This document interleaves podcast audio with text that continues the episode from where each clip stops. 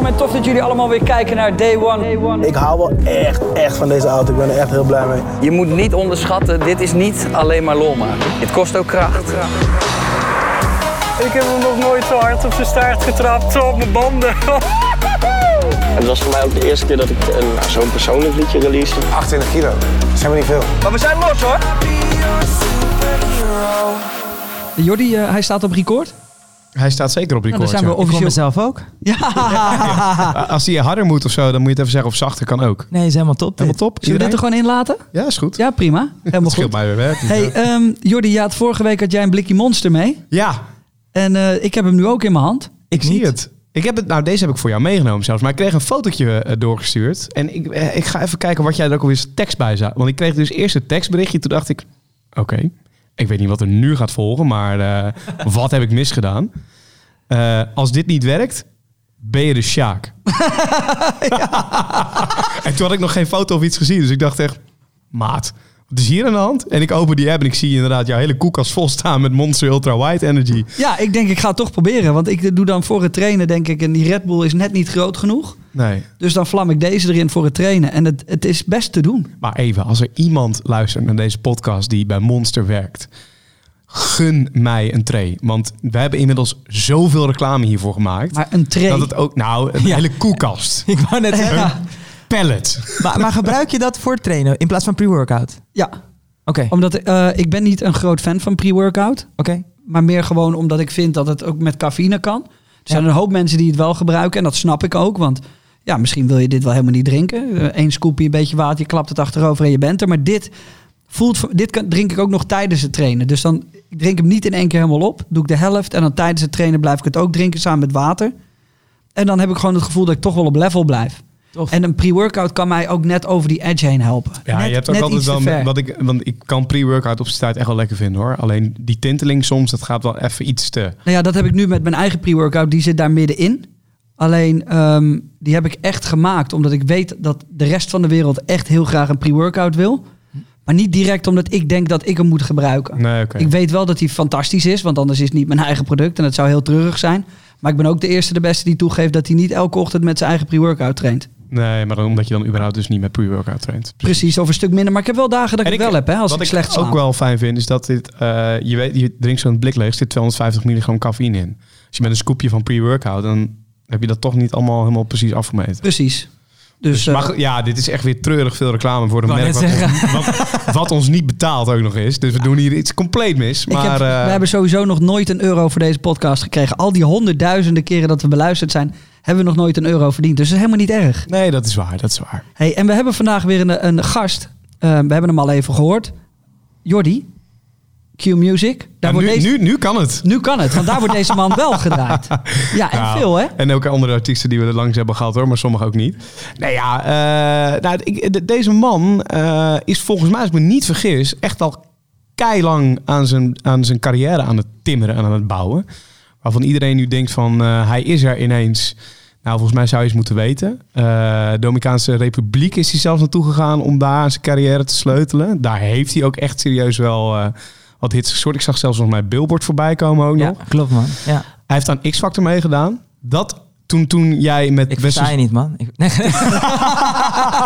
Hij schrok, zag je dat? Nee? Ehm, dat wist ik niet eens trouwens. Want toen jij opkwam met de beste zangers. Want dat is denk ik wel afgelopen tijd in Nederland je doorbraak geweest. Ja, ineens. Ja, klopt. Eh, toen pas dacht ik, hey, wow, vet. Eh Ja. Eens even in verdiepen. En toen las ik dat van X-Factor. Ehm, en ja, nu is hij inmiddels gewoon niet meer van de radio af te slaan. En dat hoeft volgens mij ook niet. Tenminste, niet als het aan mij ligt. Thanks man. Hij heeft net weer een eh, track ook uitgebracht wat eh, nou, misschien wel eens een zomerhitje van eh, 2021 zou kunnen gaan worden. Eh Ven Ven. Eh, nou, Mas Mas kent iedereen ook wel. Dus ja, dat eigenlijk. Ja, en ik zei laatst tegen iemand zo, die Rolf die heeft echt een, eh, echt een hit gescoord. En toen ging ik kijken en toen, oh fuck, je hebt al drie hits achter elkaar gescoord of zo. Het is echt niet Ja, te stoppen op het moment, hè? Ja man, ik ben Want- echt, echt heel blij. Ja. En, en mag ik er nog iets aan toevoegen? Want dat is wel zo'n uitspraak, denk ik, waar we... We, we hebben het met Nathan Moskowitz over gehad. Over ook Leo Kleine. Maar jij ook over Femke Louise. Is dat... Van iedereen hoor ik, als ik het over jou heb, Rolf... Ja man, leuke guy, goede vibes, leuke energie. Als die, als die binnenkomt, dan is het ook gelijk top, bam. Er, er is iemand, zeg maar. Snap je wat ik bedoel, Jay? Ja, ik denk dat Rolf ook een stukje X-factor heeft. En eh, dat is niet alleen omdat je daar mee hebt gedaan, maar ik denk dat dat is wat we over die... Kijk, het is niet eh, eh, de, de Leeuw Kleine of de Femke Louise X-factor, waar je denk ik als persoon soort van, het maakt niet uit wat zij doen. Zij, komen Ja. ergens binnen en je voelt iets en je denkt, maar je weet niet wat het is precies. Dus ze hadden ook iets anders kunnen gaan doen. Terwijl bij jou denk ik dat het als X-factor, als artiest echt is. Dat dat jouw roeping is ergens of zo. Snap ja. je wat ik daarmee bedoel? Ja, Dat- zeker. want- ja, ja, ja. Dat, dat, dat is wel, daar zit wel een redelijk verschil in. Grappig Eh, dat je dat zegt. Ik, eh, ik, ik krijg dat steeds vaker te horen als ik ergens ben, langs ben geweest of, of heb gesproken. Dan krijg ik dat compliment. Ik vind dat een enorm goed compliment. Maar wat ik wel echt kut vind, is dat ik heel vaak ook hoor... ik wist dat helemaal niet. Dus dan, ehm, dan denk ik altijd, straal ik dat dan niet uit? Of heb ik... Maar wel- mij- welk gedeelte wist je nou ja, niet? nee, be- nee bijvoorbeeld, eh, oh, ik weet niet of we al tegelijkertijd zijn begonnen, maar bijvoorbeeld met John Eubank werk ik nu heel erg veel. Ja. En ik heb hem zes maanden geleden, mo- mocht ik hem ontmoeten, of zeven maanden geleden. En toen hadden we net een sessie achter de rug. En ik ging naar huis en hij zegt, grap, jij bent gewoon echt een hele toffe gozer. En ik zeg, ja, maar had je dat dan niet verwacht? Zegt hij, nee. Weet je wel? En dan denk ik, eh, dan, dan vraag ik me altijd af, waarom verwachten, verwachten mensen dat niet? En dat is het enige waar ik soms af en toe mee zit, dat ik denk van, ik zou het leuk vinden als mensen dan ook nog van tevoren verwachten dat, het, dat ik een leuk persoon kan zijn, zeg maar. Ja, en ik- natuurlijk, Ik, had dat ook hoor. Ik had dat ook. En ik denk ook dat mensen dat trouwens bij mij hebben. hè. Dus laten we dat even voorop stellen. Dan heb ik een soort van heb ik geaccepteerd. Maar ik had het met jou, dacht ik, ja, ja, Rolf. Ja, ja, nou, oké, prima. Weet je, en dan hadden we, we komen over de vloer bij Mason Garment samen. Ja. En toen dacht ik, ja, ja, oké. En zij waren mij ook van het overtuigen. Toen was hij nog niet zo super bekend Ja. en was het allemaal nog oké. En ik zelf trouwens ook niet. Ehm, en toen zeiden ze, ja, het is zo'n chille zei ik, ja, dat weet ik niet, man. Dat weet ik echt niet. Ik, ik twijfel. En toen belde hij en zei, ja, hey eh, Jay, ehm, ik hoorde dat je twijfelde. En toen dacht ik, my guy. Echt? En Wat is ja, dit man. gebeurd? Ja, dit is gebeurd. En dat vond ik fucking hard. Omdat ik zou dat zelf ook doen. Als, als ik iemand hoor zeggen, die, ik, eh, eh, die bij vrienden van mij over de vloer komen. Ja. En eh, iemand zegt, ja Jay, ik weet het niet man. Ik weet het niet of dat een goede guy is. En hij komt bij vrienden van mij over de vloer. En ik weet dat we elkaar waarschijnlijk nog vaker gaan tegenkomen. Of ik heb gewoon respect voor zijn carrière of, of whatever. Ga ik ook bellen. Zeg ik ook van, hé hey man, hoe is het? Ik heb trouwens even gehoord dat jij niet weet of ik een goede guy ben. Nou, hier ben ik. Ja, vind, ik- vind ik echt... Dat vind ik, daar, daar, daar neem ik echt mijn pet voor af. Want dat Top. is, als we allemaal met elkaar zo om zouden gaan in deze wereld waarin we leven, waarin we gewoon eerlijk met elkaar gaan zijn en gewoon zeggen, hé hey man, eh, ja, hoe zit dat? Ja, maar voor hetzelfde geldt dat je gezegd, ja, ik mag je niet. Weet je, ik bedoel, dat, dat kan en Ja. dat mag. En, eh, en ik denk eigenlijk dat wij zoveel meer raakvlakken hebben, omdat de vrienden die ik heb, zijn eigenlijk ook jouw vrienden. Of Ja. althans, bij mij zijn ze later gekomen dan, dan jij kent ze langer dan dat ik ze ken. Maar bijvoorbeeld zo'n Alex, zo'n kraantje papi, de, die, ja, dat klikte gelijk. En, eh, en ik hoorde dus net ook dat jullie echt super goede vrienden zijn. En misschien hebben we wel veel meer raakvlakken dan Ja. dat we misschien wel weten van elkaar, weet je wel? Dus dat is... Ja, weet je waarom dat ook in zit? Dit- Ik, ik probeer die gelijkenis even in mijn hoofd ook te vinden. Wat ik ook met Alex zo vind, en wat, wat misschien ook ermee te maken heeft. Mensen zien jou op tv, denk ik, vrolijk, Ja. blij. Of bij een ander optreden, of bij een radio, of noem maar, maar op. En weet je, dat is meestal hoe je artiesten ziet, toch? Maar je verwacht niet altijd dat als je die artiest achter de schermen ergens tegenkomt... en je hebt hem één keer gezien...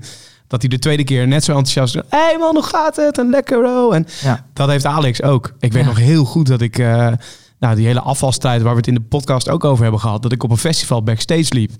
En ik had Alex denk ik al in een jaar niet meer gezien of zo. En hij is met andere mensen in gesprek. Ik loop in de verte voorbij en zegt, hey Jordi, wow, Terry, wat zie je er goed uit man. Eh, lekker bezig en eh toppie. Ja, en, tof. en je loopt weer door. En ik, nice. Ja, en het is allemaal echt. Vet. En het Ja, is dat echt. is het. En dat is inderdaad waar ik naartoe wil. Het is allemaal echt. En daar, ik, geloof, ik geloof er gewoon in dat op, dat op long term dat je daar zoveel meer aan hebt. En dat je. ja. ja.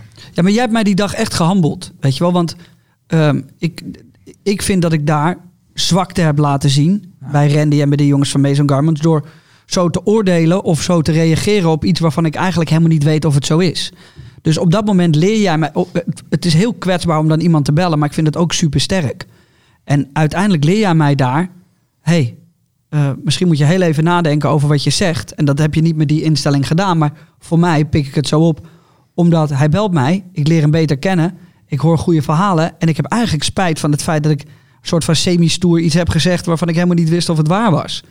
En ik denk als we dat allemaal wat meer met elkaar gaan doen. en gewoon gaan praten. dan, dan, dan wordt het veel gezelliger en veel leuker. En ik denk dat we daarom nu ook hier zitten en daarom ook over dit soort dingen kunnen praten, is omdat we uiteindelijk dus wel dezelfde vrienden hebben. Ja. En dan weet je dus dat je best wel een klik zou kunnen hebben. En als jij niet had gebeld, had ik me super opgelaten gevoelen, man. Dan had, dat, had ik echt gedacht, ja, ik ben echt een lul. Als ik je dan had... Eh, ja, natuurlijk. Want ik vind gewoon dat je... Ik vind dat je mensen moet behandelen zoals je zelf behandeld wil worden. En dat deed ik op dat moment niet. Dus ja, wat, wat, eh, wat, wat ga ik dan zeggen? En dat, en dat heb jij mij dus geleerd. Oké, Zo, we gingen echt in Ja, de, de, even- de hele... binnen drie seconden. Wij hebben tegenwoordig een klein dingetje. Dat is de vorige podcast begonnen. Oké, Ehm, ja, cool. Ja, drie vragen voor je, voor je goed, hè joh? Ja, dat heb je lekker voorbereid. Drie vragen Je hebt die... zo weer eh, voor je liggen, ook die zie ik ja, helemaal, ja? Drie vragen die we altijd aan iemand stellen die cool. eh, bij ons in de podcast komt. Ehm, drie tips om te kijken waar mensen eventueel beter van zouden kunnen worden, iets van zouden kunnen leren of gewoon ehm, een, ja, een, een fijne avond op kunnen hebben. Dus dat kan zijn Netflix, dat kan zijn Ja. een documentaire, dat kan zijn dat er op YouTube iets te vinden is, iets waar je wat van hebt geleerd of iets wat je hebt gezien wat je inspireert. Eh, ja, ik heb eergisteren een film gecheckt. Palmer van Justin Timberlake. eh, op Apple TV+. Boodschap vond ik geweldig, man. Ik heb mijn vriendin op de bank gecheckt. En eh, ik weet niet of ik moet vertellen waar het precies over gaat. Ja, gewoon een stukje. Een klein stukje. Het gaat over een man die uit de gevangenis komt. Eh, nadat hij iets heeft gedaan. Eh, ik zal het niet verklappen, want dan als mensen die film willen checken. Eh, na tien jaar en dan komt hij bij zijn oma terecht. en zijn oma zorgt voor een overbuurjongen die als hij is maximaal vijf, zes jaar oud. En je ziet aan alles dat hij gay is. En Justin Timberlake in dit geval, de hoofdrolspeler, die weet niet zo goed hoe hij daarmee om moet gaan. Omdat hij tien jaar vast heeft gezeten. Dus die komt in een hele andere wereld terecht. En dan komt er ontstaat er een liefde tussen hem en dat kind. En het verhaal eindigt geweldig. Dus de, die, dat boodschap, de boodschap die daaruit vandaan komt, is denk ik ook hoe, je, hoe we in het dagelijks leven met elkaar moeten omgaan. Dat is, dat is film 1 die ik heb gecheckt. Eh, heel raar dit, maar A Good Place, dat is op Netflix. Dat is niet op eh, Apple TV, maar op Netflix, A Good Place. Het gaat over hemel en aarde, maar dat wordt zo goed eh, uitgelegd. En, eh, Ja, ja, ja, ja, ja, dit is top. Ja, Heb je die gezien? ja dit is top. Niet Ik moest even dubbel checken. maar, Maar, dat- echt niet normaal. Het, het klinkt, eh, in het begin kijk je waarschijnlijk naar die serie en dan denk je, waar, waar gaat dit over? Ja, waar slaat het- dit op? Het gaat er toch over dat ze in een soort van hemel terechtkomen... Ja. waar iedereen alleen maar terecht is gekomen... omdat hij een heel goed leven heeft geleid. Juist. En daar komt per, per ongeluk iemand in terecht... die dat helemaal dus niet heeft gehad. En Ja, ja. Toch? Ja, half. Ja, of eh, ja, zeg maar de vier hoofdrolspelers die horen eigenlijk helemaal niet daar. nee, klopt. en het is ja. dus geen heen. Maar goed, dat, Ja, dat nou ja, wil ik ook niet vet. scoepen. Ja, het is heel We- vet. We zijn het nu aan het bekijken op de laptop, maar ik zou dus als ik dit zou zien, zou ik er niet op klikken. Maar nu Nee. jij het hebt verteld. Ja, maar dat is het. eh, Daarom zeg ik, als je de eerste aflevering waarschijnlijk kijkt, dan denk je, waar ben ik aan begonnen? Ja. Maar ik ben blij. Heb je het ook gezien, Jordi? Ja, ja, ja, het is, keihard. ja, het is heel tof. Ja. En ehm, ja, wat, wij, wat ik altijd doe, ehm, en eh, ik heb het over wij, en dat is mijn vriendin en ik op dit moment, is ik kijk heel veel YouTube-filmpjes op basis van visualiseren, op basis van eh, het geloven in je eigen droom, het opschrijven. En ehm, de- op YouTube heb je verschillende filmpjes. Eh, ik ben nu boeken aan het lezen erover. Eh, The Secret, eh, Think and Grow Rich. En da- daar heb je ook series op YouTube van. En kan ik nu niet eentje be- benoemen, maar je hebt er echt heel erg veel waar, waar dat wordt verduidelijkt. En ik kijk dat heel vaak. Ben, ben ook wel benieuwd, hè, voordat we naar die andere vraag gaan. Ja. We hadden, vorige week hadden we Music by Blanks. Simon de Wit, jongen uit Groningen. Ook echt een groot talent. Ja, ken ik. Die wil over tien jaar het Ryan Terror niveau bereiken, zeg maar, qua produceren ook voor anderen. Wat heel vet is dat hij dat ook heeft uitgesproken en durven uitspreken. Ja. Ehm, en hij eh, keek ook heel veel video's waarin hij dan weer leerde produceren of leren schrijven. Doe jij dat als artiest of als muzikant ook? Ja, man. 100%. Ik, ehm, ik kijk altijd naar voorbeelden van mij die, die voor mij voorbeelden zijn. Ik vind Mark Anthony vind ik gewoon echt een baas. En eh, de manier waarop hij optreedt, de manier waarop hij omgaat met het publiek, is iets wat ik heel erg ambieer en ambieerde.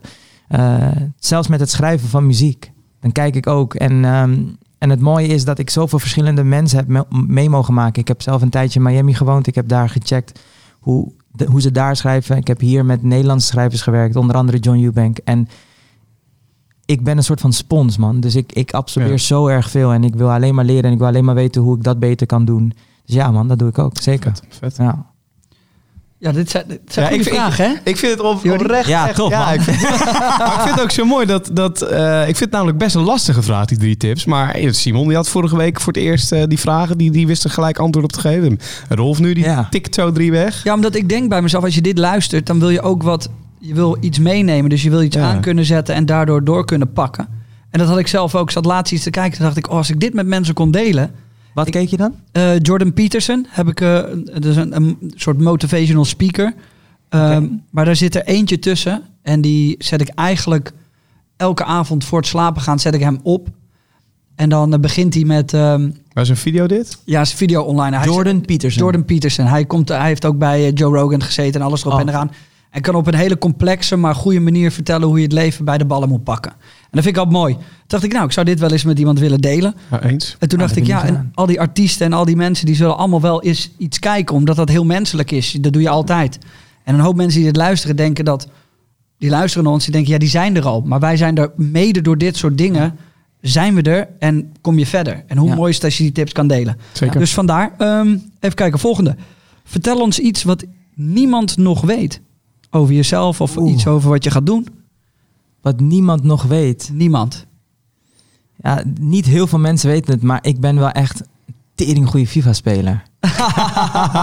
echt oprecht. Gewoon top 200 haal ik alles, elk Echt? weekend. Echt? Ja, 100 Oh, En, en wie heeft dat, eh, welke van de artiesten heeft dat al pijnlijk ondervonden?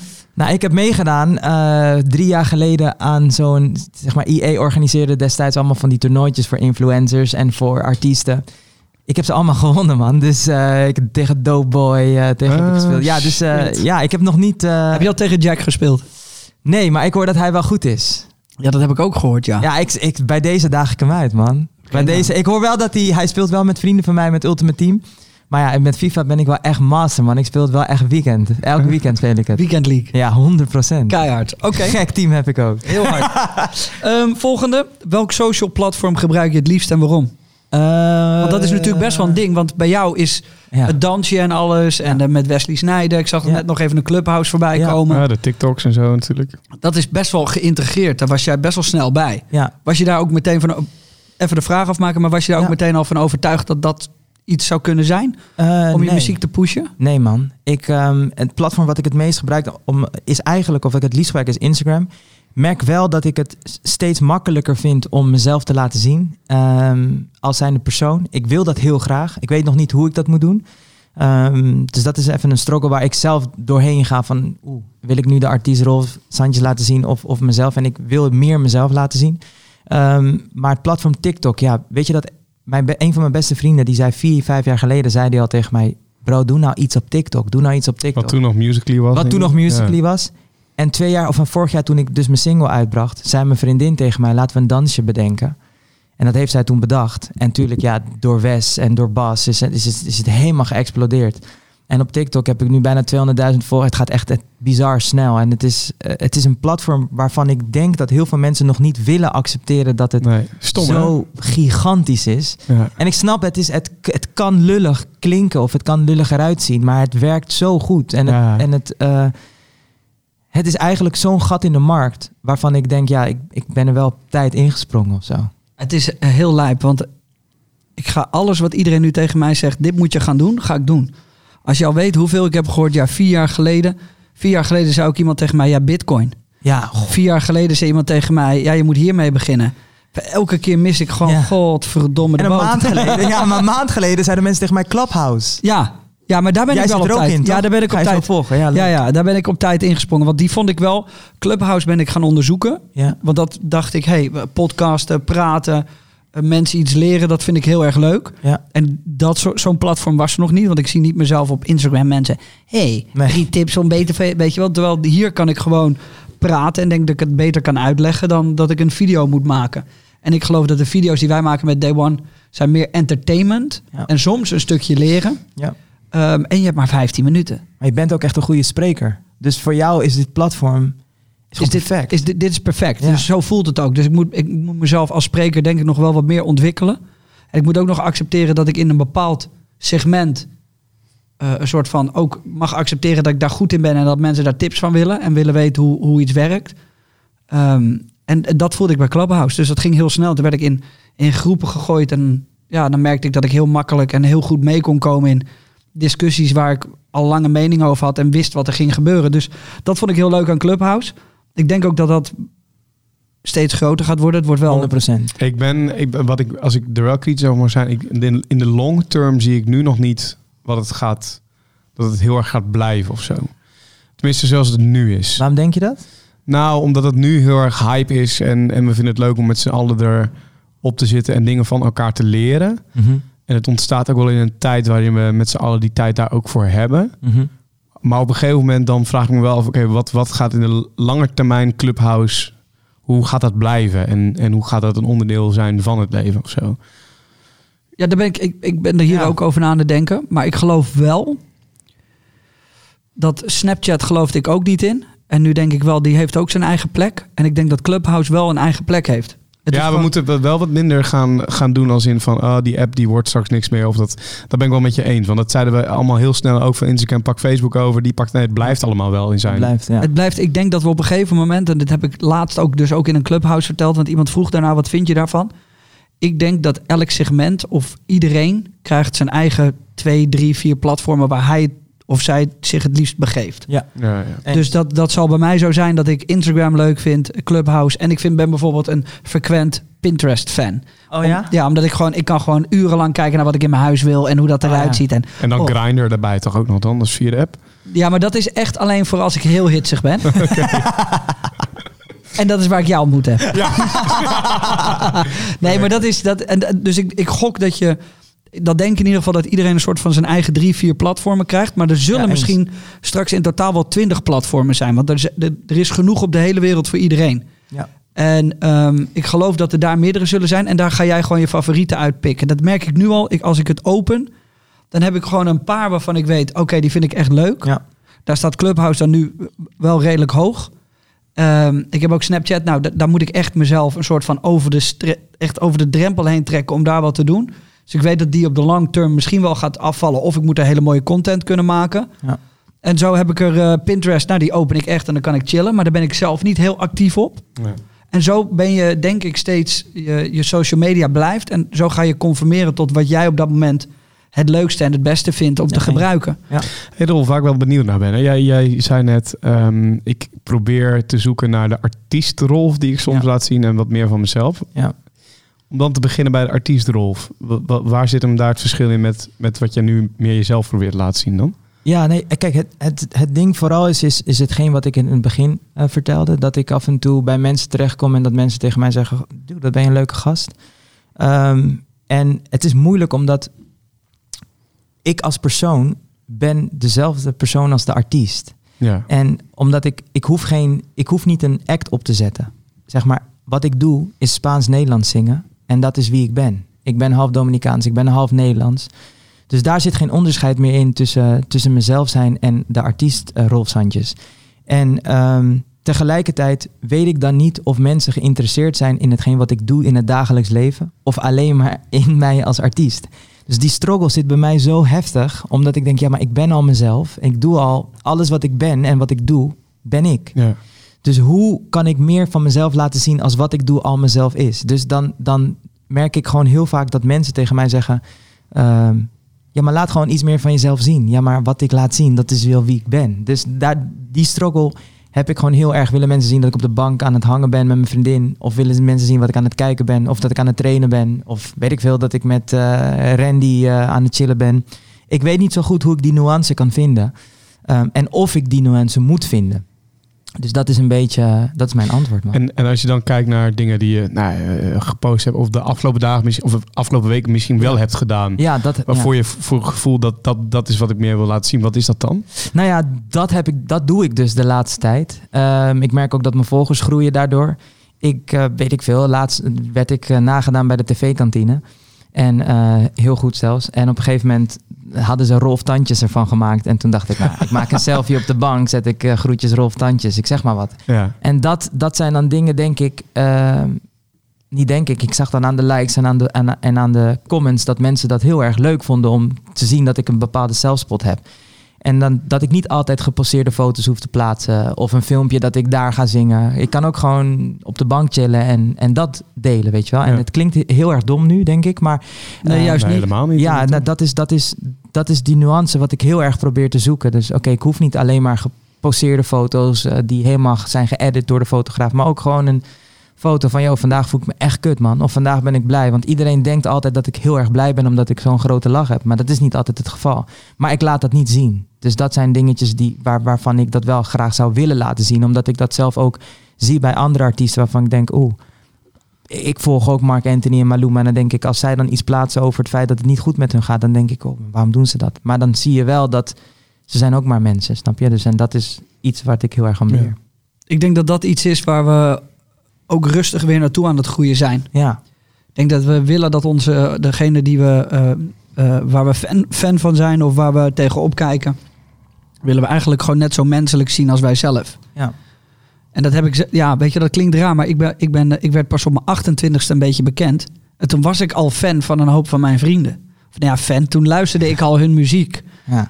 Ehm, en dan ga je in het begin ga je er toch een soort van tegenaan, dan ga je, ga je naar ze opkijken. Ja. En hoe menselijker ze worden, hoe mooier het werd. ja. En dat heb, daar- op dat niveau zit ik nu dat ik denk bij mezelf, ja, weet je, ik luisterde vroeger eh, eh, eh, Kraan. ja. En, en was ik echt, vond ik echt vet. En toen Ja. leerde ik hem kennen. En toen dacht ik, oh ja, oh. en op een gegeven moment wordt hij heel menselijk en wordt Ja. het een vriend. En is, het, is hij eigenlijk net als al mijn andere vrienden Ja. die niet bekend zijn. En dat zie je dan heel rustig, zie je dat ontwikkelen. En ik denk dat dat iets is wat we allemaal willen zien. Al is het ook wel fijn, denk ik, dat er ook wel onaantastbare artiesten zijn, toch? Waar je naar op kan kijken zonder dat je ze ziet scheiden op de wc bijvoorbeeld. Zeker, maar ik denk dat dat don't, iets is. don't ever meet your uh, heroes of zo. Nee, maar ik denk dat social media daar niks aan gaat veranderen. Want een normale foto van jezelf posten is nog steeds goed. Want dat, dat gaat je niet meteen zo menselijk maken dat mensen er niets meer van willen weten. ja precies. Totdat ze je vrienden worden, wordt het, wordt, kan je ze Ja. nooit helemaal leren kennen, denk ik. Dus dat is iets wat, wat, wat je gewoon altijd blijft houden. Want ik, er zijn nog tien andere artiesten in Nederland die ik niet ken. Die ik nog steeds heel hard vind en waar ik nog steeds datzelfde gevoel heb. Ja, Als wat ik als eerste bij Kraan had. Hij is alleen nu een vriend. ja.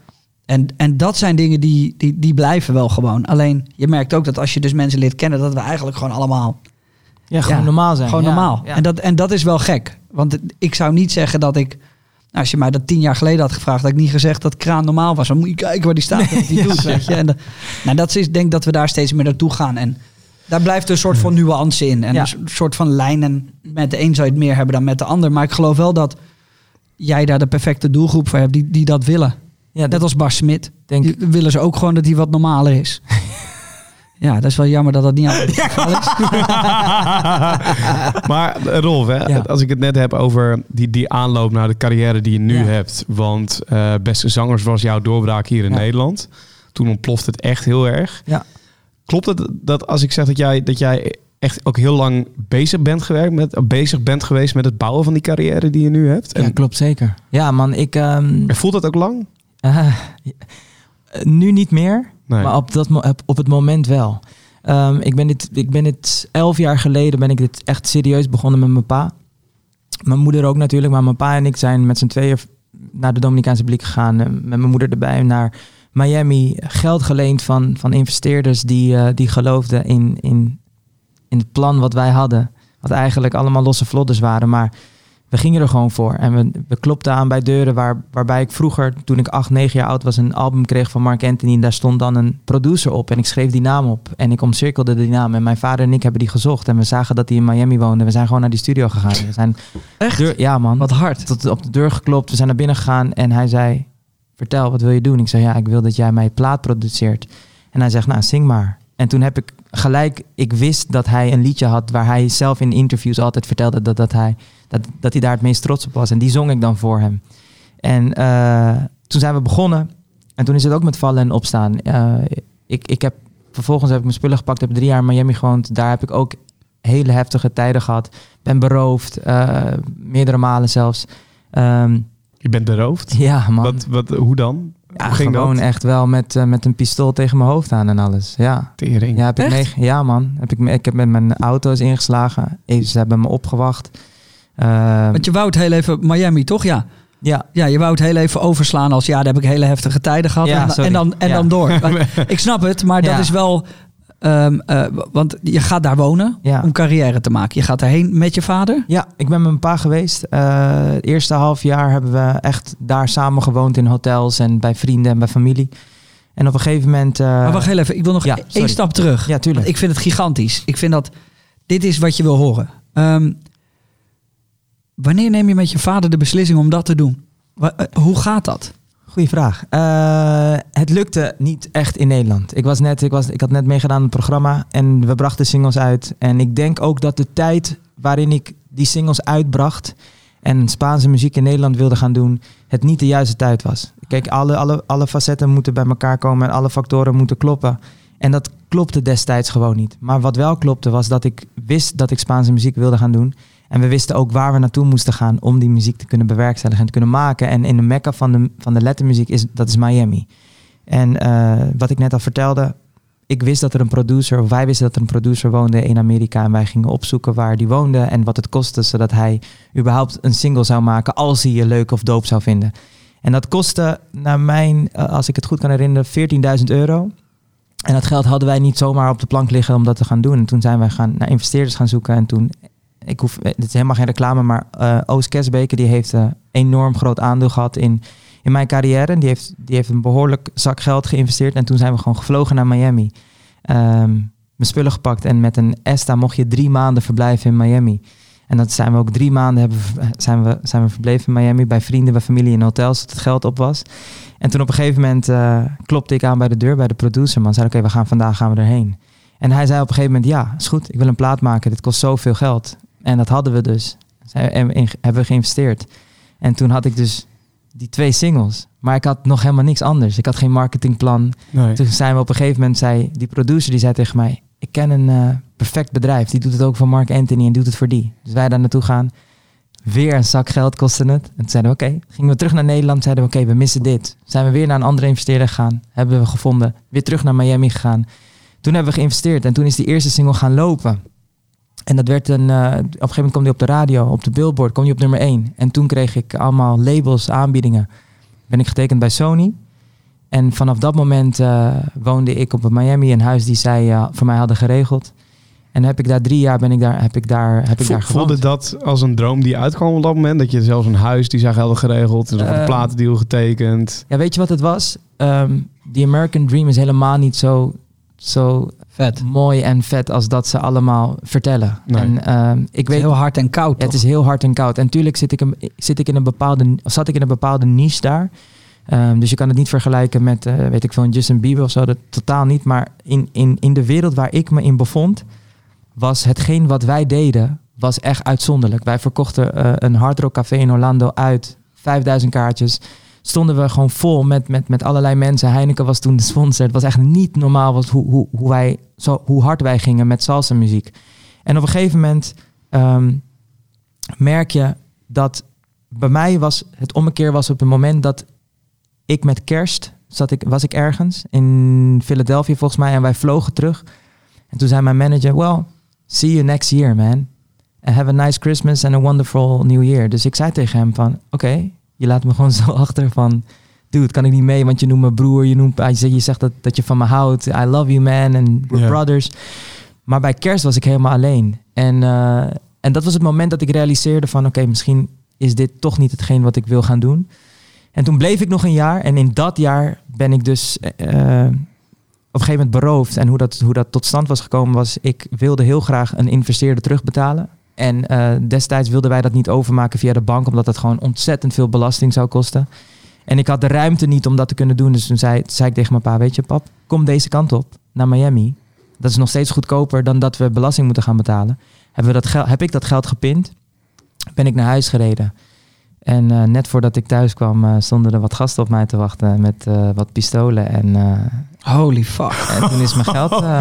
Heb je dit wel eens ergens verteld? nee, is de eerste keer denk ik. Nee, ik heb het, ja, ik heb het één keer bij eh, Waar is de Mol verteld, met, eh, met Johnny. Wauw. Ja, maar niet zo openlijk als nu. Ja, nee, dat was, eh, dat was heel heftig. En mijn vader kwam dus die, av die ochtend daarna en het geld was weg, man. Dus ja, dus, en dit heb ik, dit is dan een- hele heftige. Maar één keer was ook mijn, mijn, is, is mijn raam ingeslagen. Eén keer ben ik ook in een buurt terechtgekomen en moest ik heel snel weggaan. Maar had Wil iedereen even onthouden die dit luistert ook, dat, dat hoe succesvol Rolf nu ook eruit ziet. Dat, dat ook zelfs zo'n tegenslag er niet voor kan zorgen dat je hele leven wordt opgefukt. Nou ja, ik zal je wat zeggen. Dat zijn wel momenten geweest in mijn leven waarbij ik realiseerde dat, dat ik iets fout deed. Ja, Dus Ehm, Oké. weet je, eh, waarom gebeurde het mij? En dan, en dan in het begin gaf ik anderen de schuld. Dus ik zie, kut man, ik, jij zei dat ik dit moest doen. En op een gegeven moment word je rustig en dan zat ik thuis. Dan in je eentje, dan ga je nadenken. En dan, toen dacht ik, maar er is iets wat ik doe, wat ik blijkbaar verkeerd doe. Want anders krijg ik dit niet over me heen. En toen ben ik gaan nadenken en inderdaad, ik ben niet goed omgegaan met mensen. Eh, ik was heel erg egoïstisch. Ehm, Of je had gewoon focus.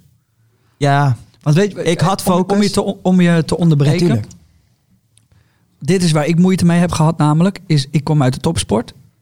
En daarin is arrogantie en focus. En je scoort gewoon. Is key. Als je een topsporter bent, is dat wat jou naar het volgende level gaat helpen. Is omdat je dat, je hebt die meedogenloosheid nodig. Maar als artiest ook. ook. Ja, Alleen, er zit daar een fijne lijn tussen. Omdat je elke dag met mensen moet praten. En met mensen om moet gaan. En je kan, als je niet presteert, ben je gewoon... 100%. Maar ik, ik, ben ik het duizend procent met je eens. Alleen denk ik, ehm, en dat is wat ik heb veranderd in mijn leven, is dat meedogelo, meedogenloosheid en arrogantie, daar zit wel is een dunne balans tussen ehm meedogenloosheid en het slecht omgaan met mensen. Dus, ehm, dus in de zin van mensen pijn doen en arrogantie, zit, daar zit ook een groot verschil in. En dat deed ik wel. En, eh, en, en, en het moment dat ik daarmee was gestopt en eigenlijk wilde ik daar, of, of maakte ik daar de beslissing, weet je.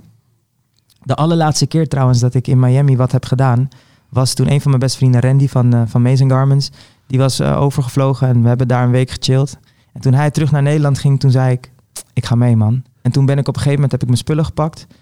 En besefte ik wat ik aan het doen was, dat het niet altijd correct was. En daar ben ik allemaal, dat zei ik, weet je wat, ik ga gewoon goed om met mensen. Ik ga niet meer eh, voor mezelf kiezen. En ik kies wel voor mezelf, maar tegelijkertijd hoeft het niet ten koste te gaan van een ander.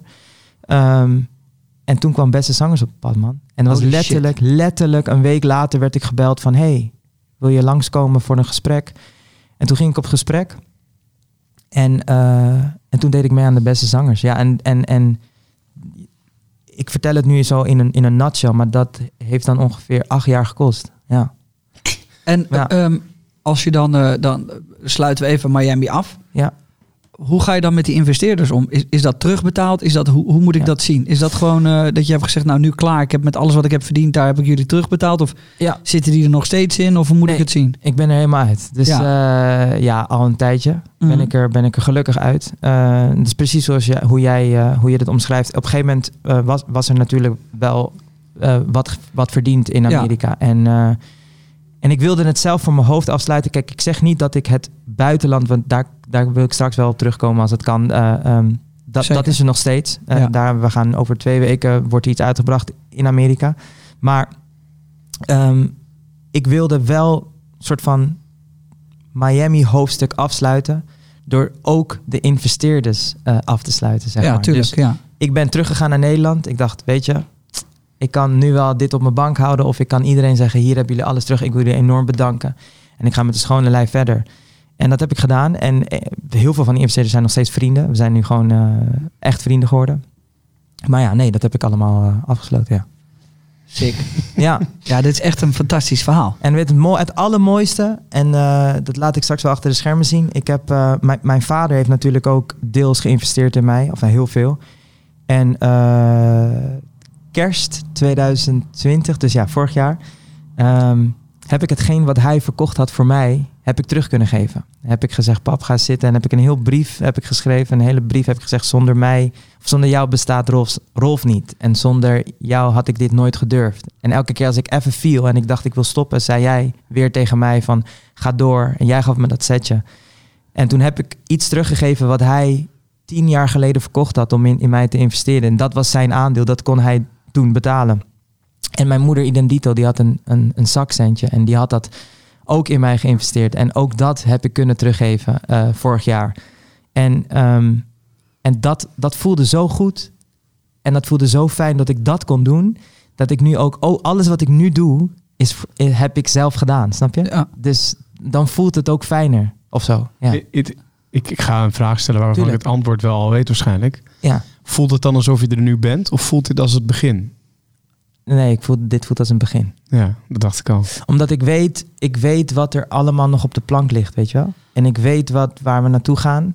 En het is lekker om te weten dat alles waar je van gedroomd hebt, dat dat wel echt kan. Dat het niet, Ja. dat heb ik nu ook, dat klinkt raar, maar alles wat ik ooit heb willen doen, dat is dus echt mogelijk. En dat geeft nog zoveel meer eh, power. Nou ja, ik, met, met alle eerlijkheid, ik kijk al jaren jouw YouTube-filmpjes. Maar oprecht, ik, ik, ik ken al, bijna alle filmpjes. Omdat ik ik, ik, en ik heb gezien hoe jij eh, zo erg bent gegroeid. Dat is echt niet normaal. Dat is zo'n platform wat jij gecreëerd hebt. Letterlijk overal waar ik ben, iedereen kent jou. En dat was in het begin ook anders. Ja. En, maar ook jouw filmpjes en jouw podcast die ik, die ik luister, daar heb jij het ook zo vaak over het geloven en, en over het gaan en het gewoon doen. En als ik, jou dan, als ik dan hier binnenkom en ik zie jou met je pa, dan zie ik zoveel, nogmaals, met vrienden misschien ook, maar met parallellen, hoe jij omgaat met je pa. Zo ben ik ook met mijn pa. Mijn pa en ik zijn zo. En ik zag dat net ook. En Ja, ja. dat vind ik gewoon mooi om te zien. ja wij, zijn, wij zijn, mijn vader en ik zijn vrienden nu. Ja, Zeker, maar hij heeft, wel, hij heeft wel een hele moeilijke zoon gehad. Hij heeft wel een zoon gehad waar hij echt... eh, ja, die heeft... zonder mijn vader was het, eh, was het wel... eh, weet ik niet of ik dan had geworden wat ik nu ben. oh ja? Nou, 100% niet trouwens. Ehm, en ik denk dat dat, dat dat iets is wat uniek is. En dat merk jij dus ook met je vader. Ja, Maar heeft, hij- eh, eh, ehm, je hebt hem dus terugbetaald. Zoals jij dat vindt dat dat zou moeten. Ik, weet niet of, ik denk niet dat hij dat ooit zo, Nee, zo zou vinden. nee. Ehm, zijn jullie dan nu met z'n tweeën heel blij? Staat hij dan echt te shinen als jij aan het optreden bent? Ja. En, Het, het gekke is, is waar hij voorheen alle touwtjes in handen had en eigenlijk alles eh, met mij bepaalde, hebben we nu een heel team. Ik heb nu een manager, ik heb nu een PR-manager, ik heb een label. Dus je merkte in het begin aan mijn pa dat hij dacht van, ho, wow, al deze mensen. En hij vertrouwt iedereen, maar je merkte dat hij niet meer leidinggevende was. Dus in Nee. de zin van dat hij bepaalde wat er gebeurde. En dat vond hij in het begin lastig. Daar moest hij, daar moest hij zijn weg in vinden. Maar wat voor mij dan weer het allermooiste was, is dat wij tien jaar lang achter elkaar eigenlijk die vader-zoon relatie was een beetje verwaterd. Het was eigenlijk manager en artiest. ja. En we spraken letterlijk alleen maar over de carrière. We werden wakker en we zeiden: Oké, wat, wat gaan we vandaag doen? We schreven alles op. Oké, wat willen we bereiken in twee weken? Wat willen we in een, in een jaar?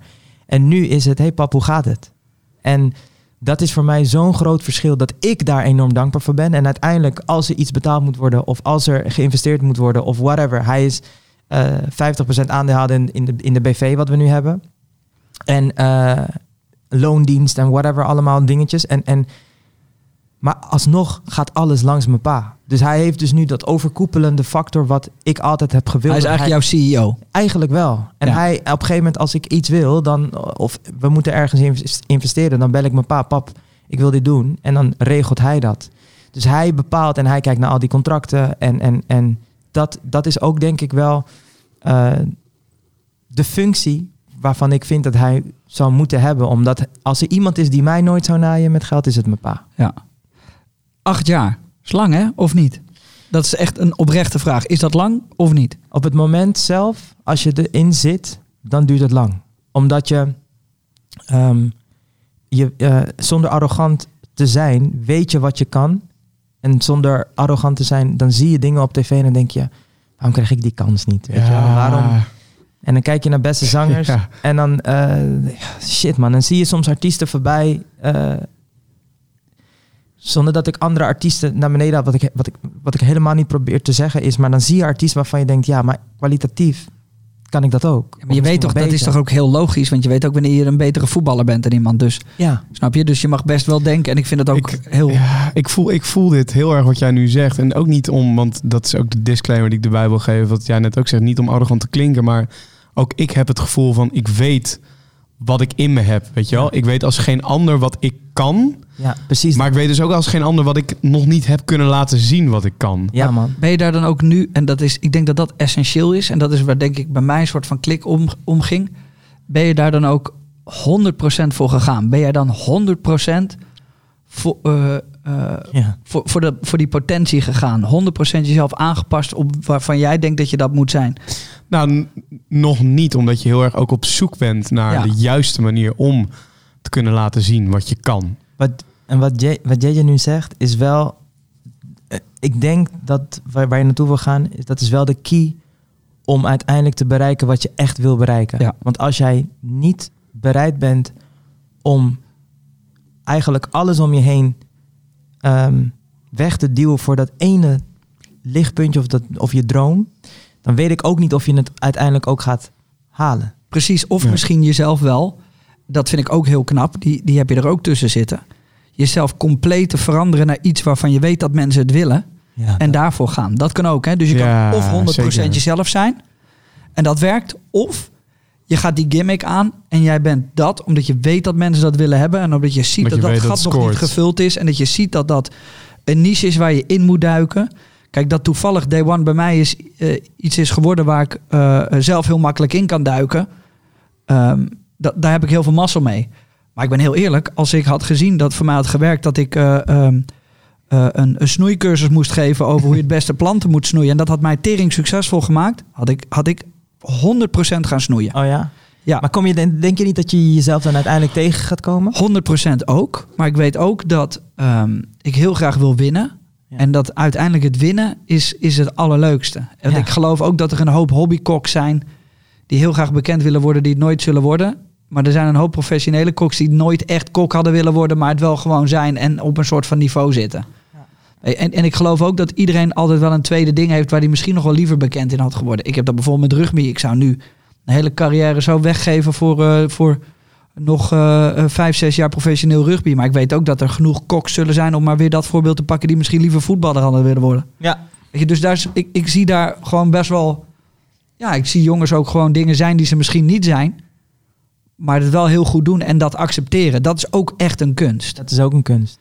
Want ik geloof niet dat Lil Kleine altijd zo is. 100% Weet je, Nee. dat geloof ik gewoon niet. Nee. Maar soms is het handig om dat te doen. Ja. Nou, en dat is waar je. En dat maakt het ook heel verwarrend natuurlijk. Maar dat is ook waar je over na kan denken. Weet Je, misschien moet je een soort type radio maken wat misschien niet helemaal bij ligt, maar waarvan je, waarvan je wel weet, ja, dit gaat wel fantastisch scoren. Ja, maar het heeft ook, het heeft ook te maken, denk ik, met, met kansen. Kijk, op het moment Ook dat, dat. dat, Ja, dat. Rolf terugkomt, weet je wel, en wordt gebeld door de beste zangers, is dat natuurlijk de manier om te kunnen laten zien aan heel Nederland, yo, luister, dit is wat ik kan. En het erge, Dat, toch? ja, en het erge is dat je daarna hoort, ja, maar jij hebt geluk gehad. Nee, man, nee, Ja, nee, nee, nee. dat is maar ja, kijk. maar da- dat... Ik, ik, ik- Ja, dat snap ik, dat ik- het verschrikkelijk is. Zeker als je wat je net... ik, had, ik had een podcast geluisterd van iemand en die zei: Luck is opportunity meets preparation. En eh, weet je wel, dan ben je, je bent namelijk zo lang bezig geweest. En de geluk, ja, ik geloof niet in geluk. Ik geloof erin dat je gewoon zo hard hebt gewerkt en dat je dan je kansen krijgt. En als je ze dan aanpakt, op het juiste moment er staat. ehm, en dat is ook een kunst. Ja, En maar die hele was je op die hele Miami-trip en alles wat je daar hebt gedaan, is jouw voorwerk geweest naar beste zangers. staan. 100.000 procent. Dat is het gewoon, weet je. En dat had, dat had een hit kunnen zijn in Miami, dan was dat het voorwerk geweest. Ja. Uh, maar toevallig is dat beste zangers geweest. Want Ja. als je dat niet had gedaan, had je niet gevraagd geworden voor, uh, voor beste zangers. Dus Nou, en belangrijker nog, dan had je daar misschien wel gestaan. Maar dan had je daar alsnog niet zo gestaan als dat je er nu stond. Had je daar vervolgens ook niet op kunnen doorpakken wat je nu gedaan hebt. Ja, eens. En soms kan het uit een hele andere hoek komen, maar kan het wel helpen. En dat, dat is wat mensen vaak niet zien. Uh, die denken dat je één iets moet doen om ergens anders te kunnen komen. Terwijl had, jij bent naar Miami gegaan en daardoor is Beste Zangers gekomen. Als je dat acht jaar geleden tegen jou had gezegd, had je Had gezegd... ik niet, ja. Ja, maar daar teken ik niet voor. Nee. Dat is niet wat ik doe. Ik ga Nee. toch niet acht jaar naar, naar Miami toe om dan... eh, Precies. En, Ja. Want dan denkt iedereen, ben je helemaal gek. Ja. Maar uiteindelijk was dit het. En is het zo gelopen? En is het beter dan misschien wel voorgesteld of Ja. anders? Nee, zeker. Maar dit is de weg. En dat is wel uiteindelijk ook precies wat jij zegt. Mensen verklaren je ook voor gek. Hè? Als je weggaat of als je iets gaat doen en, en je gaat out of the box, dan verklaren mensen je ook als gek.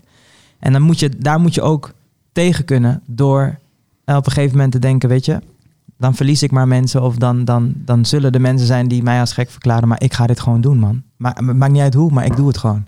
Heb je mensen verloren? Ja, 100%. Ik heb mensen, eh, de, onder andere ook ehm, misschien wel vaak door mezelf, maar vaak ook dat ik mijn hoofd heb gestoten. En dan heb ik het ook, ook heel erg over de muziekwereld, waarvan ik ehm, altijd dacht dat het, eh, of, vaak heb gedacht dat bepaalde mensen vrienden waren. En, ehm, en dan op een gegeven moment kom je erachter dat het niet helemaal het geval is. Maar het woord vriendschap bij mij is ook wel op een bepaalde manier gedefinieerd. Dus op het moment dat ik jou echt een vriend noem, dan zou ik ook echt door het vuur voor je gaan. En dat verwacht ik dan eigenlijk ook, wat niet goed is. Maar ik verwacht de manier waarop, ik zag net toevallig op jouw filmpje, zag ik I Wish I Had a Friend Like Me van Kanye West. Ja. En ehm, dat is misschien niet hoe ik moet leven, maar dat is wel hoe ik het verwacht. Dat als ik iets doe voor iemand, verwacht ik het niet gelijk terug. Maar ik verwacht op zijn minst wel dat, Dat als je het nodig hebt. dat als ik het Ja. nodig zou hebben, dat diegene daar ook zou zijn voor mij. Dat, is, dat vind ik een hele goeie. Want eh, ik zeg altijd, als ik iets doe voor iemand, hoef ik niet iets terug te verwachten. Precies. Maar daar ben ik wel heel hard van teruggekomen. Oh, oké. Want ik verwacht niks terug van ze, maar het zou wel leuk zijn als ze er zijn als ik ze nodig heb. Nee, nee, precies. Snap je? Dus uiteindelijk verwacht je dan wel wat terug. Het is het minimale, Ja, maar er zit een heel groot verschil tussen het minimale, dat als ik het echt nodig heb, alsjeblieft, ja, en helemaal niet. ja. Ja. En ik zei altijd helemaal niet. En dan, dan sta je ook echt met lege handen. En dat voelt toch kut. Terwijl als je zegt, ja, ik heb alleen het minimale nodig. En dat is dat je me helpt wanneer ik je echt nodig heb. Dus ik zou het nooit vragen, maar alleen als je echt nodig heb. Ja. Dat is lekker. Dat is heel lekker. Want dat is iets wat ik dus jaren niet heb gedaan. En daar word je best wel zuur van. Want uiteindelijk denk je dan bij jezelf, ja, fuck. Ja. Waar doe ik het eigenlijk voor? Waar doe ik het eigenlijk voor, weet En je? het, en het erge is bij mij dan, eh, en ik probeer daar ook een nuance in te vinden, is dat juist door alles wat ik heb meegemaakt, ehm, kan ik daar dan ook heel erg resoluut in zijn. Door de, op het moment dat ik dan zie, oké, ik heb, ik heb, ik zou dat voor jou doen en ik heb dat voor jou gedaan. En ik heb je nu nodig en je bent er ook al niet voor één seconde. Dan kan ik ook heel erg het resoluut zeggen, nou, dan ben ik, voor mijn gevoel ben ik dan gelijk klaar. Ja. En dat is misschien een valkuil die ik zelf eh, even doorheen moet gaan, waarvan ik dat niet altijd ga. Ik moet niet gelijk die conclusie maken. Dus ik moet niet gelijk zeggen, oké, ik ben er klaar mee. En dat is wel iets wat ik wel kan. Ja. En hoeveel mensen kloppen er weer bij jou aan op het moment dat ze zien dat het goed met je gaat? Ja, Dat is ook wel een goeie, denk ik. Maar dat, dat, is, dat zullen jullie ook eh, eh, eh, meemaken. Maar dat is dus dat is heel raar. Iedereen heeft mij altijd gewaarschuwd van... ja, maar mensen gunnen je allemaal het succes totdat je het hebt. En ik, gel- ik, ik, ik geloofde het wel... maar ik kon die ene zin kon ik niet echt begrijpen. En ik kon ook niet begrijpen dat iedereen zou zeggen... ja, als je wint heb je vrienden. Dat zijn allemaal dingen die, die, die tegen mij zijn gezegd... die ik zelf nog niet had meegemaakt. Maar als je, dat dan, als je er zelf middenin zit... En je, je ziet dan op een gegeven moment die appjes voorbij komen van mensen die je al jaren niet hebt gesproken met hey, wil je even bellen? Want een vriendin van mij of mijn vriendin, ik zeg maar wat, die is heel erg fan van Mas, Mas, Mas, wil je even bellen? Dan denk je, wow. En op het moment zelf ga je erin mee, hè? Althans, ik deed Ik dat. ook.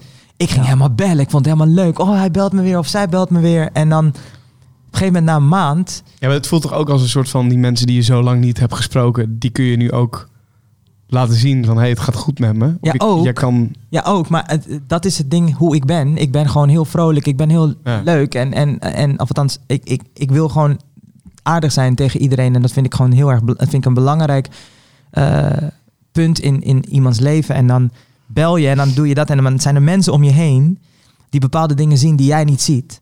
En die zeggen dan, Rolf, maar waarom bel jij? Want heb jij ooit nog wat van die persoon gehoord? Nee, eigenlijk niet. Ja, maar waarom moet je dan in godsnaam bellen? En dat ik dan tijd daarvoor wil vrijmaken, terwijl ik voor andere dingetjes vrij tijd Ja, vrij en dan denk je ook nog, ja, maar dit duurt maar, maar vijf seconden. Dus Ja. dat is best prima. Ja, is toch tof? Of dat duurt maar 10 seconden, heb ik ook altijd. Dan denk ik, ja, ah, dit duurt, duurt maar 10 seconden. En dan zegt een van mijn beste vrienden, en dan zegt dan, maar ja, maar dat is wel hele dure 10 seconden. Want die, want die mensen, die, die, die heb je nooit meer gesproken. En nu Ja. willen ze van alles van je. Ja. En in die 10 seconden had je mij iets leuks kunnen vertellen. Hadden we nog betere vrienden geworden. En dan denk ik bij Oh ja. mezelf, ja, daar heb je eigenlijk wel gelijk in. Maar ja, en, is, en vind je dat dan niet kut dat je dan eventueel gezien zou kunnen worden als arrogant? Ik denk dat ik zou liegen als dat niet zo zou zijn. Eh, dus dat vind ik zeker kut. Maar ik heb ondertussen denk ik ook wel zoveel meegemaakt, gezien en gedaan... dat ik weet dat ik dingen niet meer tegen kan gaan. Eens. Dus ik heb gewoon een bepaalde acceptatie waarvan ik weet... oké, eh, eh, eh, 90% vindt me misschien leuk en 10% vindt me echt kut. En dat is prima.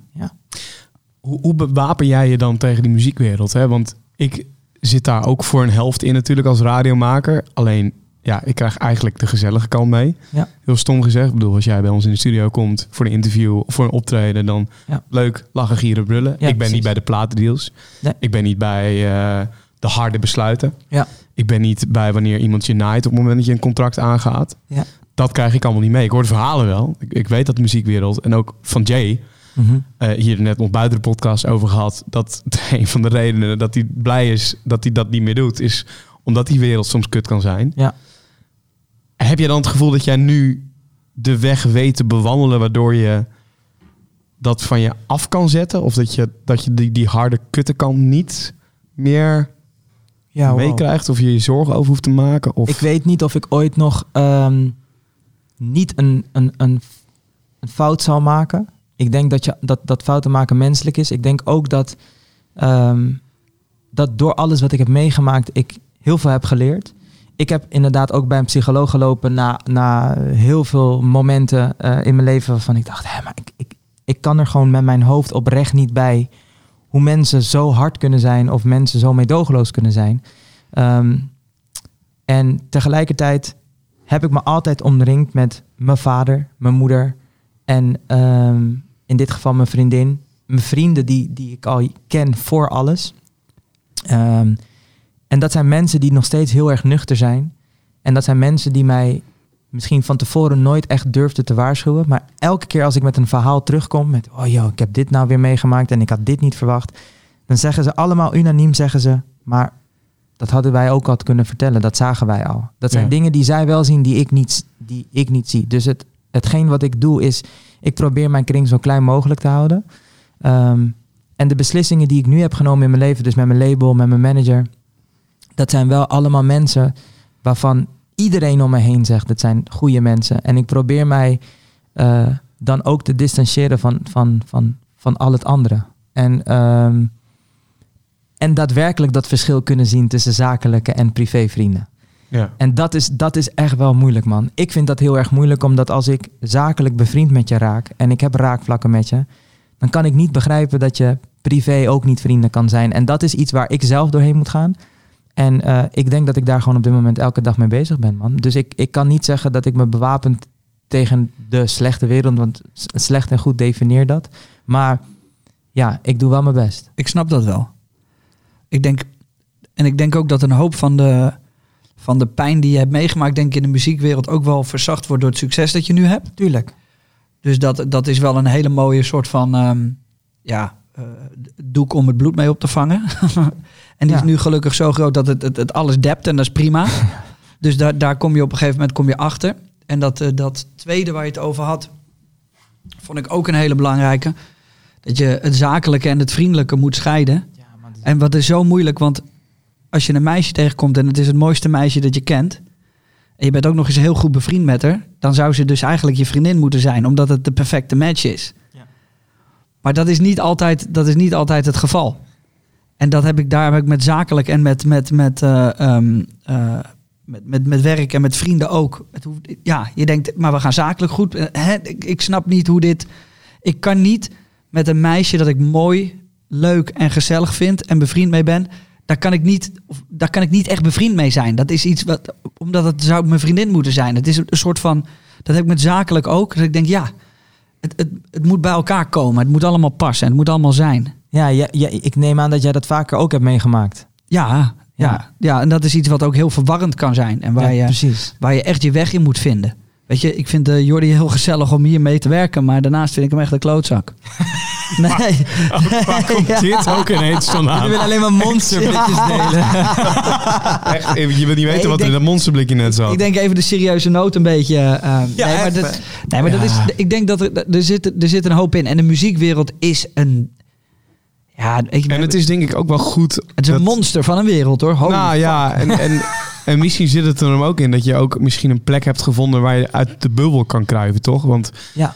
dat heb ik met radio en media ook. Als ik dan bij mijn familie ben in Almelo of bij vrienden ben in Ja. Emmen, dan denk je ineens van, waar de fuck heb ik mij de afgelopen week druk over gemaakt? Ja, Ook. Niemand hier is één seconde bezig geweest met die hele fucking kutwereld waar ik in zit. Doe normaal. En niemand maakt zich hier druk om Jordi Warnes. Niemand maakt zich, Nee. niemand maakt zich op het moment daar druk om JJ Boskov, om Ralf Sanchez. In mijn fucking wereld maakt iedereen zich druk om alles Ja. wat ik doe. Terwijl Ja, man. 99,9% van de mensen boeit het echt geen ene fok. Nee. Ja, dat is, dat is, dat is uniek. Dat is En- gek, hè? Ja. Maar kruipen jullie vaak uit die... Weten jullie een plek waar, waar je, waarvan je weet van... Oh, ik, ik, ik vind het echt lekker om daar te zijn. Want dan ben ik niet even die guy. Of dan ben ik niet bezig met al die... Die niet-zeggende problemen. Wat in mijn wereld heel groot is, maar daar helemaal niet. Ik heb dat, ben daar, ik ben erachter gekomen dat het echt bij mezelf ligt. Dat is echt heel gek om te zeggen. Ja? Maar ehm, tuurlijk, kijk, mijn vriendin is iemand die, die, die, die zegt dan: oké, telefoons weg en dan gaan we even met z'n tweeën zijn. Maar uiteindelijk gaat het allemaal om je eigen hoofd, man. Want op een gegeven moment, ehm, weet ik veel, als ik bij mijn familie ben, dan denk ik ook: waar fuck heb ik me druk over gemaakt? Maar diezelfde familie, die vinden een JJ super interessant. Vinden Q-Music, oh mijn god, hoe was dat? Die willen daar ook over praten. En het is dan ah, in mijn geval dan mijn taak om, te, om, om daar heel kort antwoord op te geven en dan over compleet iets anders te beginnen. Dus het is ook je eigen hoofd die dat uit moet gaan zetten. En eh, da, daar, dat vind ik. Eh, en daar ben, daar ben ik op, de, op dit moment mee bezig. Ik kan dat op dit moment best wel goed. Als ik dan Ja. thuis kom, dan denk ik, oké, nu is het echt even klaar. En dan doe ik even mijn tel weg en dan kan ik het ook echt loslaten. Maar ik denk uiteindelijk dat, dat een plek, dat het niet uitmaakt waar dat is, zolang je eigen hoofd maar rustig is, denk ik. Ja, zo ben ik menig vriendin verloren, dat weten we. Nou, ik denk Letterlijk. niet dat jij dit... Dat, dat jij die... Als ik het zo eh, bruut mag zeggen misschien. Maar ik, ja. heb jij dat wat Rolf zegt?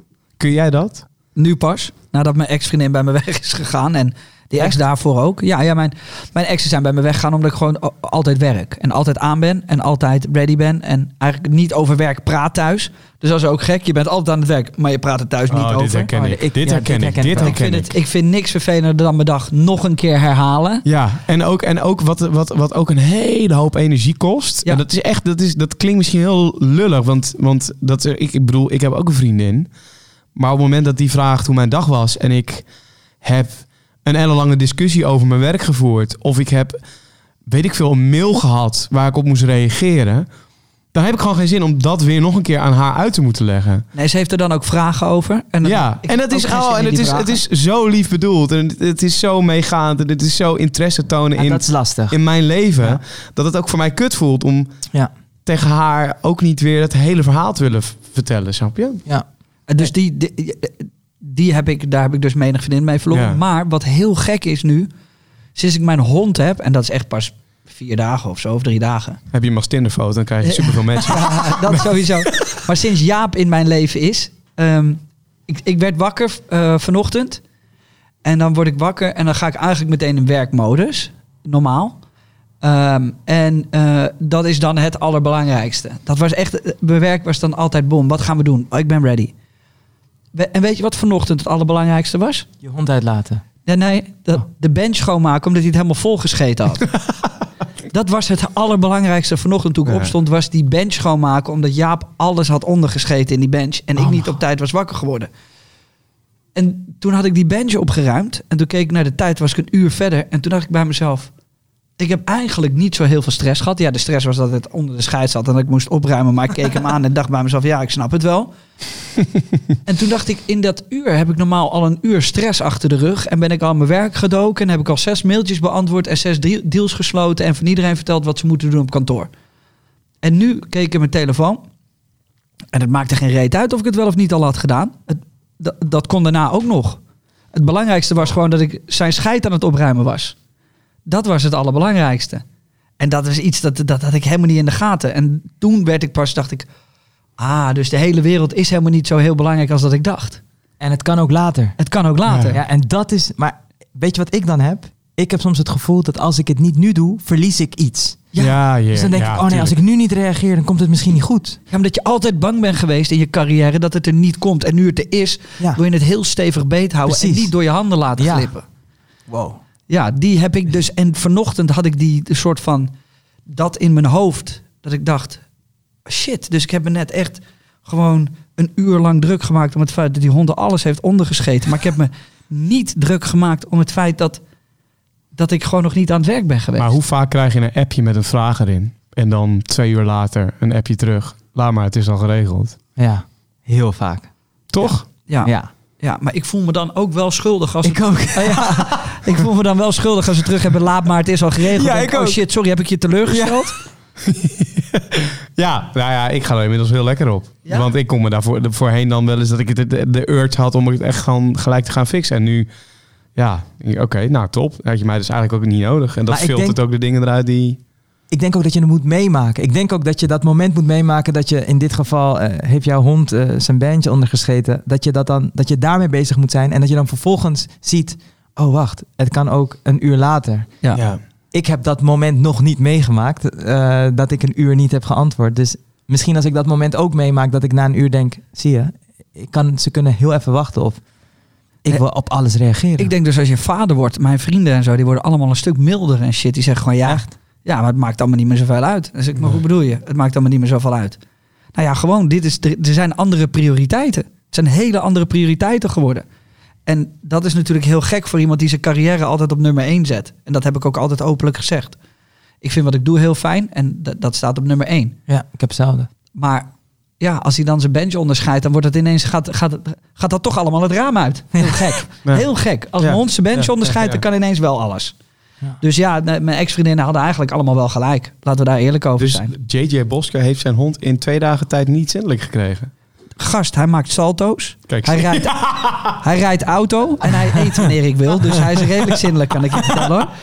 Ah, mooi. Nee, ik ben eerlijk. De hond heeft mijn leven tot nu toe veranderd. Ook omdat hij half gehandicapt is en ik echt hard voor hem moet zorgen. Ehm, maar het is wel.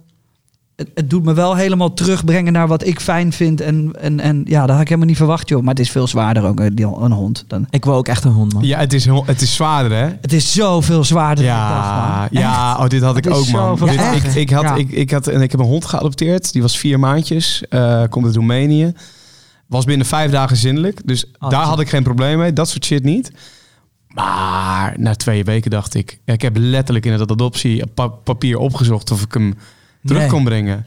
Ja, is het echt zo heftig? Ik, ik was echt... Ik, ik heb drie nachten naast zijn bench gelegen in de woonkamer... omdat hij de hele nacht piepte.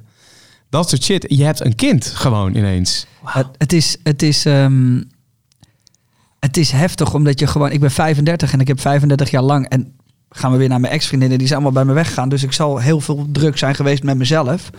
Ben eigenlijk 35 jaar lang gewoon mezelf geweest. En mensen kan je nog zeggen van, oké, even, eh, de baby staat niet, maar ik bedoel, kan je zeggen, eh, chill the fuck ja, out. Ja, Even, ja, ik ben even iets alleen, voor jezelf weet je, ja. zo. En deze guy blijft gewoon me aankijken zo met dat ene oog. en, dan ben ik, en dan ben ik bang dat hij dus of weer gaat kakken of weer gaat, weet ik. En ik heb gewoon geen controle over hem, dus ik moet de hele tijd op hem letten. En je moet de hele dag denken, oké, je Ja. moet drie keer, vier keer per dag naar puppy, misschien al zes keer per dag uit nu. Ja. En Oh, dat moet je ook allemaal plannen. Dan moet je ook nog denken, oké, eh, eh, Dus goed maandagavond bij mij? Ja, oh nee, wacht, Ah, nee, maandagavond bij Oh ja, kak, en ik ben single, dus ik kan ook niet zomaar meer naar vrouwen toe. ja, het is echt, jongen, het is, heeft best wel veel opgefokt waarvan ik niet had, waarvan ik niet had verwacht dat het zou opfokken. Maar uiteindelijk gaat het beestje naar jouw leven leiden. Dat is bij mij ook zo Ja. nu. En dat, gaat, dat is uiteindelijk een topbeest. Ik wil nooit meer zonder hem. En Rolf, als je hem ziet, eh, hij is top. Eh, Ja, ik, kwam hier aan. Als Ik dacht, goed is, komt hij zo meteen. Is hij al? Is, die, is die er al? Oh, hij is er al. Zullen we, zullen eens even erbij pakken? Ah. Wacht even, voor twee ja, seconden. top. Ah, ja, ja. Wanneer heb je hem gehaald? Vier dagen geleden. Vier dagen geleden. Maar ik wist eigenlijk al, eh, dus eh, even om weer terug te pakken. Ik weet niet hoeveel Jordi eruit heeft geknipt, maar dat merken we dan wel als de podcast er is. Ehm, nee, ja, ik heb hem vier dagen geleden opgehaald, Jaap. En eh, ik heb hem, kijken, acht weken, toen hij een week oud was, ben ik naar, de, naar, de, eh, naar een vrouw gegaan. Die heeft een nestje. En die zei, eh, ja, we hebben er eentje, één mannetje. En zei ik, nou leuk, laat maar zien. En het blijkt dan ook het mooiste mannetje te zijn.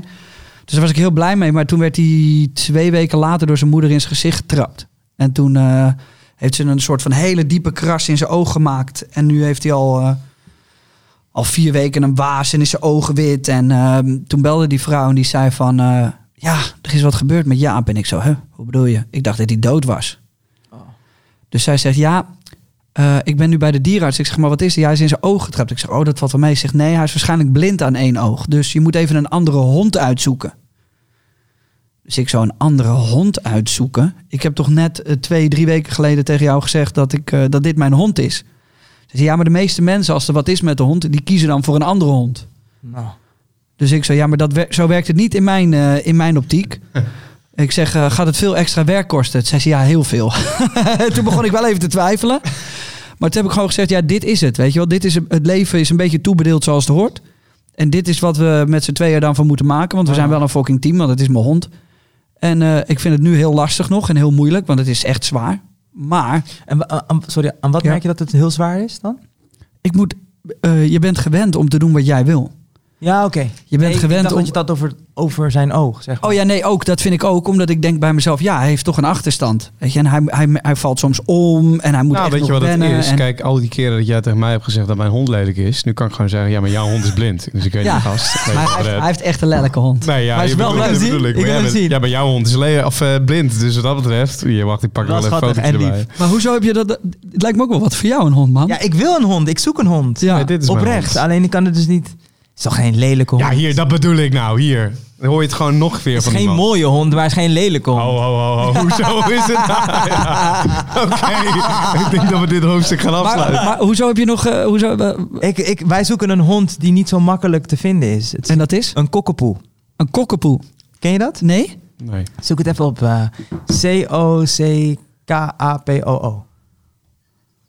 Een hele rare naam. Sick. Dat is toch een tophond? Ja, man. Wacht. Toch? Ja, is die. Ja, Ja, die bruine. Ja, ja. Wie heeft die nou ook? Echt? Heeft iemand die? Wacht even, ik zat na te denken. Wie, wie, wie, wie, wie Ja, wij nou? zoeken dus, maar blijkbaar heb je dus maar echt drie goede fokkers in Nederland. En ik heb dus nu contact met eentje.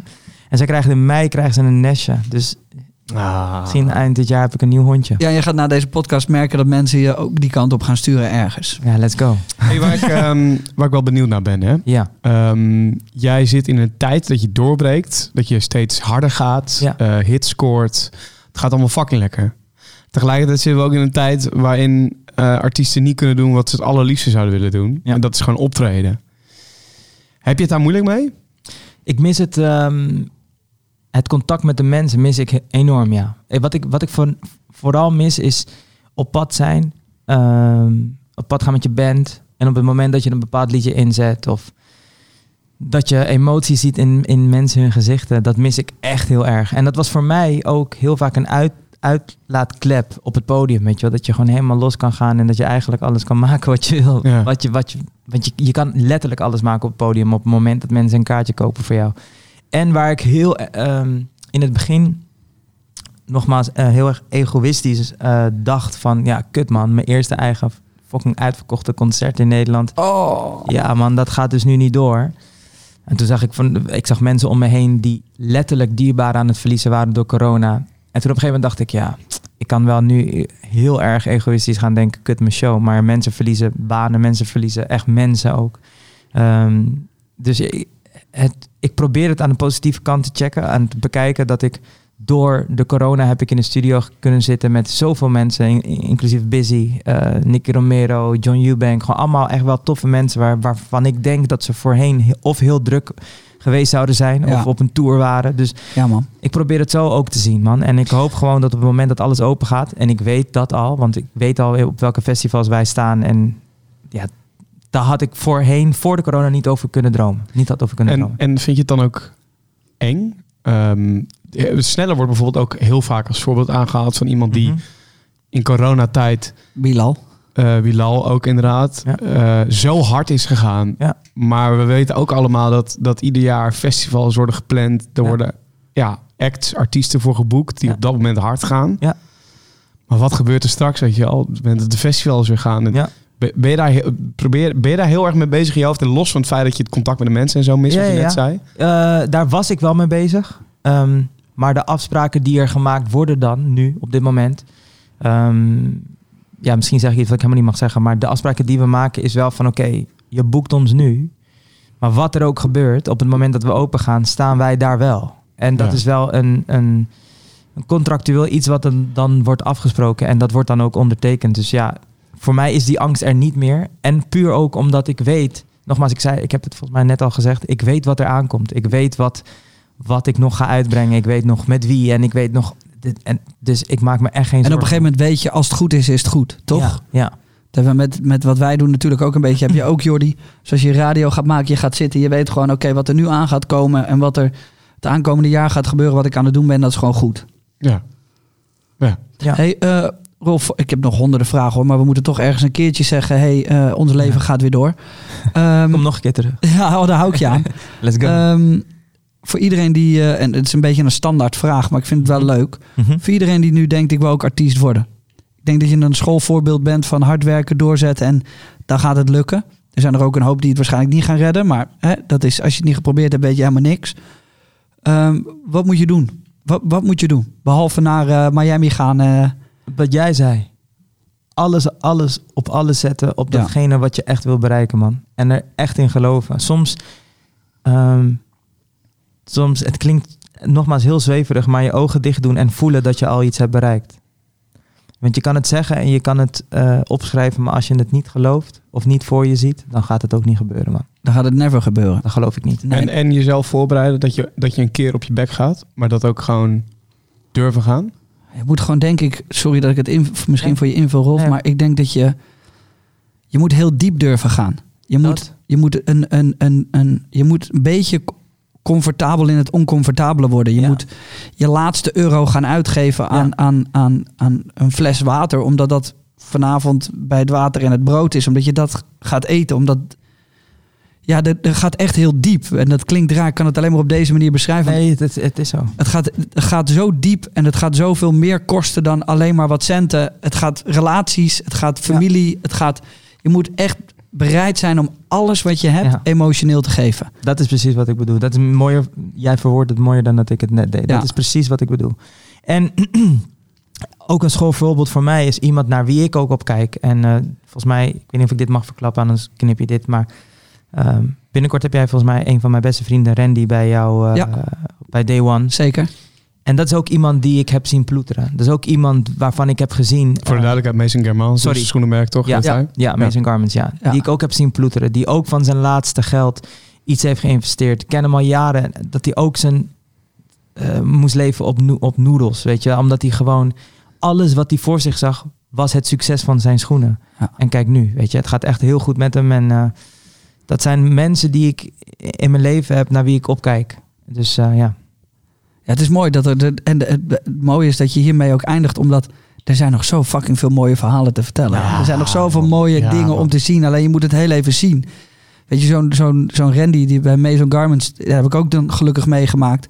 Dat is ook weer zo'n mooi verhaal wat we gaan vertellen. Daar kan ik echt naar uitkijken. Daar kan ik echt Ik blij van worden. Ik dat ook. ik denk van ja man, ik wil dat de wereld hoort en ziet wat jij doet. Omdat we er allemaal beter van gaan worden. Dankjewel trouwens. Jullie bedankt, man. Kun je, kun je ons een sneak preview geven? Als in, wat gaat er het komende jaar met Rolf Sanchez gebeuren? De komende twee jaar misschien? Lekkere Q-vraag. Ja. Ja. Ik kan niet, ik kan niet zeggen eh, eh, eh, met wie en, en hoe en zo. Mijn goal en wat ik heb opgeschreven 2021 is dat ik de meest gestreamde artiest ga worden van Nederland. Dat heb ik opgeschreven. Mooi. Keihard. Dus als we volgend jaar dit tijdstip, deze datum, komen bij elkaar terug. Kijk, Nou, nou, hou ik je aan. Jordi, we plan jij hem in? Ik plan hem in. Hebben we nog een codewoord? Ja, dat mag Rolf gaan verzinnen. Codewoord is het... eh, weet je wat het codewoord is, Rolf? Eh, Rolf test. Hij zegt net dat hij vaak luistert. nee, ik weet de codewoord, nee. Niet. verdomme. Nee, codewoord is het woord wat aan het eind van iedere podcast zit. Dat verzint de gast. En iedereen kan het codewoord in onze DM sturen, zodat wij zien dat ze tot het eind geluisterd hebben. Of ze hebben aan het begin gewoon Ja, en dat moet bij mij gewoon eh, Essel zijn. Essel, dat zeg ik altijd. codewoord. Nou, En hoe schrijven we dat? E-S-O-O. E-S-O-O. Dus als jij E-S-O-O naar ons stuurt, dan weten wij dat jij tot het einde van deze podcast hebt geluisterd. Het zullen er eh, niet heel veel zijn, want ik weet dat mensen niet altijd tot het einde luisteren. Maar het is wel leuk als je het doet. Dus Ja, laat ons weten. Gooi het in onze DM's en dan, eh, dan horen we het. Top. Ehm Jordi, heb je nog ongegeneerd een klein reclamestukje? Zeker, want eh, je moet gewoon even ons gaan volgen op Spotify. Day One Podcast. Deel het met al je vrienden. Ook zeker in de stories. Deel gewoon dat je luistert, want dan, Ja, laat eventueel kunnen ze gaan delen. Dan laat ik gewoon een bericht achter. Als jij dit deelt Nou, in dit je is story, gevaarlijk om te zeggen. dan ga ik daar gewoon op reageren. Ja, maar ik kan gewoon zien in mijn stories wie dat doet en wie niet. Ja, dat is waar. Dus, eh, dus doe dat. Dan kun je ook naar Apple Podcast toe gaan. En Apple Podcast kun je Oh. ook gewoon een, eh, een recensie achterlaten. Nee, Ja, jazeker. dat meen je niet. Vijf sterren. En eh, je zou er ook nog een berichtje bij kunnen plaatsen. Oh. Want als ik dan eh, naar bijvoorbeeld eh, deze kijk. Heerlijke podcast wordt er gezegd. Fijne podcast. Zou tof zijn als er misschien eentje zou komen met Frames Productions. Of een van de eigenaren daarvan. Eerlijk podcast hier voor in de auto. Dat zegt Bas. Leuk. Ik heb zelf een bedrijf als personal training service in box en fitness genaamd ST Workouts. En ik haal heel veel inspiratie uit de podcast. Vooral om mijn bedrijf zo uniek mogelijk te maken. Sterk. Vier sterren omdat ik de grappen te veilig vind. Oeh. nou, dan kan ik nog wel. Ik gooi er de volgende keer wel een paar doorheen, joh. Eh, Oké, is goed. Eh, dus dat. Ja, je Ja. kan... eh, We ja, hebben je- natuurlijk nog even andere podcasts. Dat is leuk. Kraantje Papi is hier voorbij gekomen. Ook een goed gesprek. Eh, Giel de Winter van Stuk TV die vertelt over hoe die Stuk TV heeft verkocht aan Talpa. Ehm, Davina Michel. Davina Michel. Wat ook wel veel gelijkenissen, gelijkenissen heeft met, eh, met wat Rolf vertelt. Davina is echt pff, een van de, misschien wel de beste zangeres op dit moment. Man. Ja, Lijp, dat- hè? ja zeker. En heel lief. Dat vond Heel ik ook. lief. Had ik ook, ook weer iets wat ik niet direct had verwacht voordat ik haar leerde kennen. Ehm, en natuurlijk supergaande. We hebben nog zoveel. Dus kijk even rond hier op Spotify of wherever je aan het luisteren bent. Dit was de Day One podcast. En tot de volgende keer. Later. Buitengewoon absurd. Je merkt, ik geen reet aan in deze aflevering. Heerlijk. Tabé. Tabé.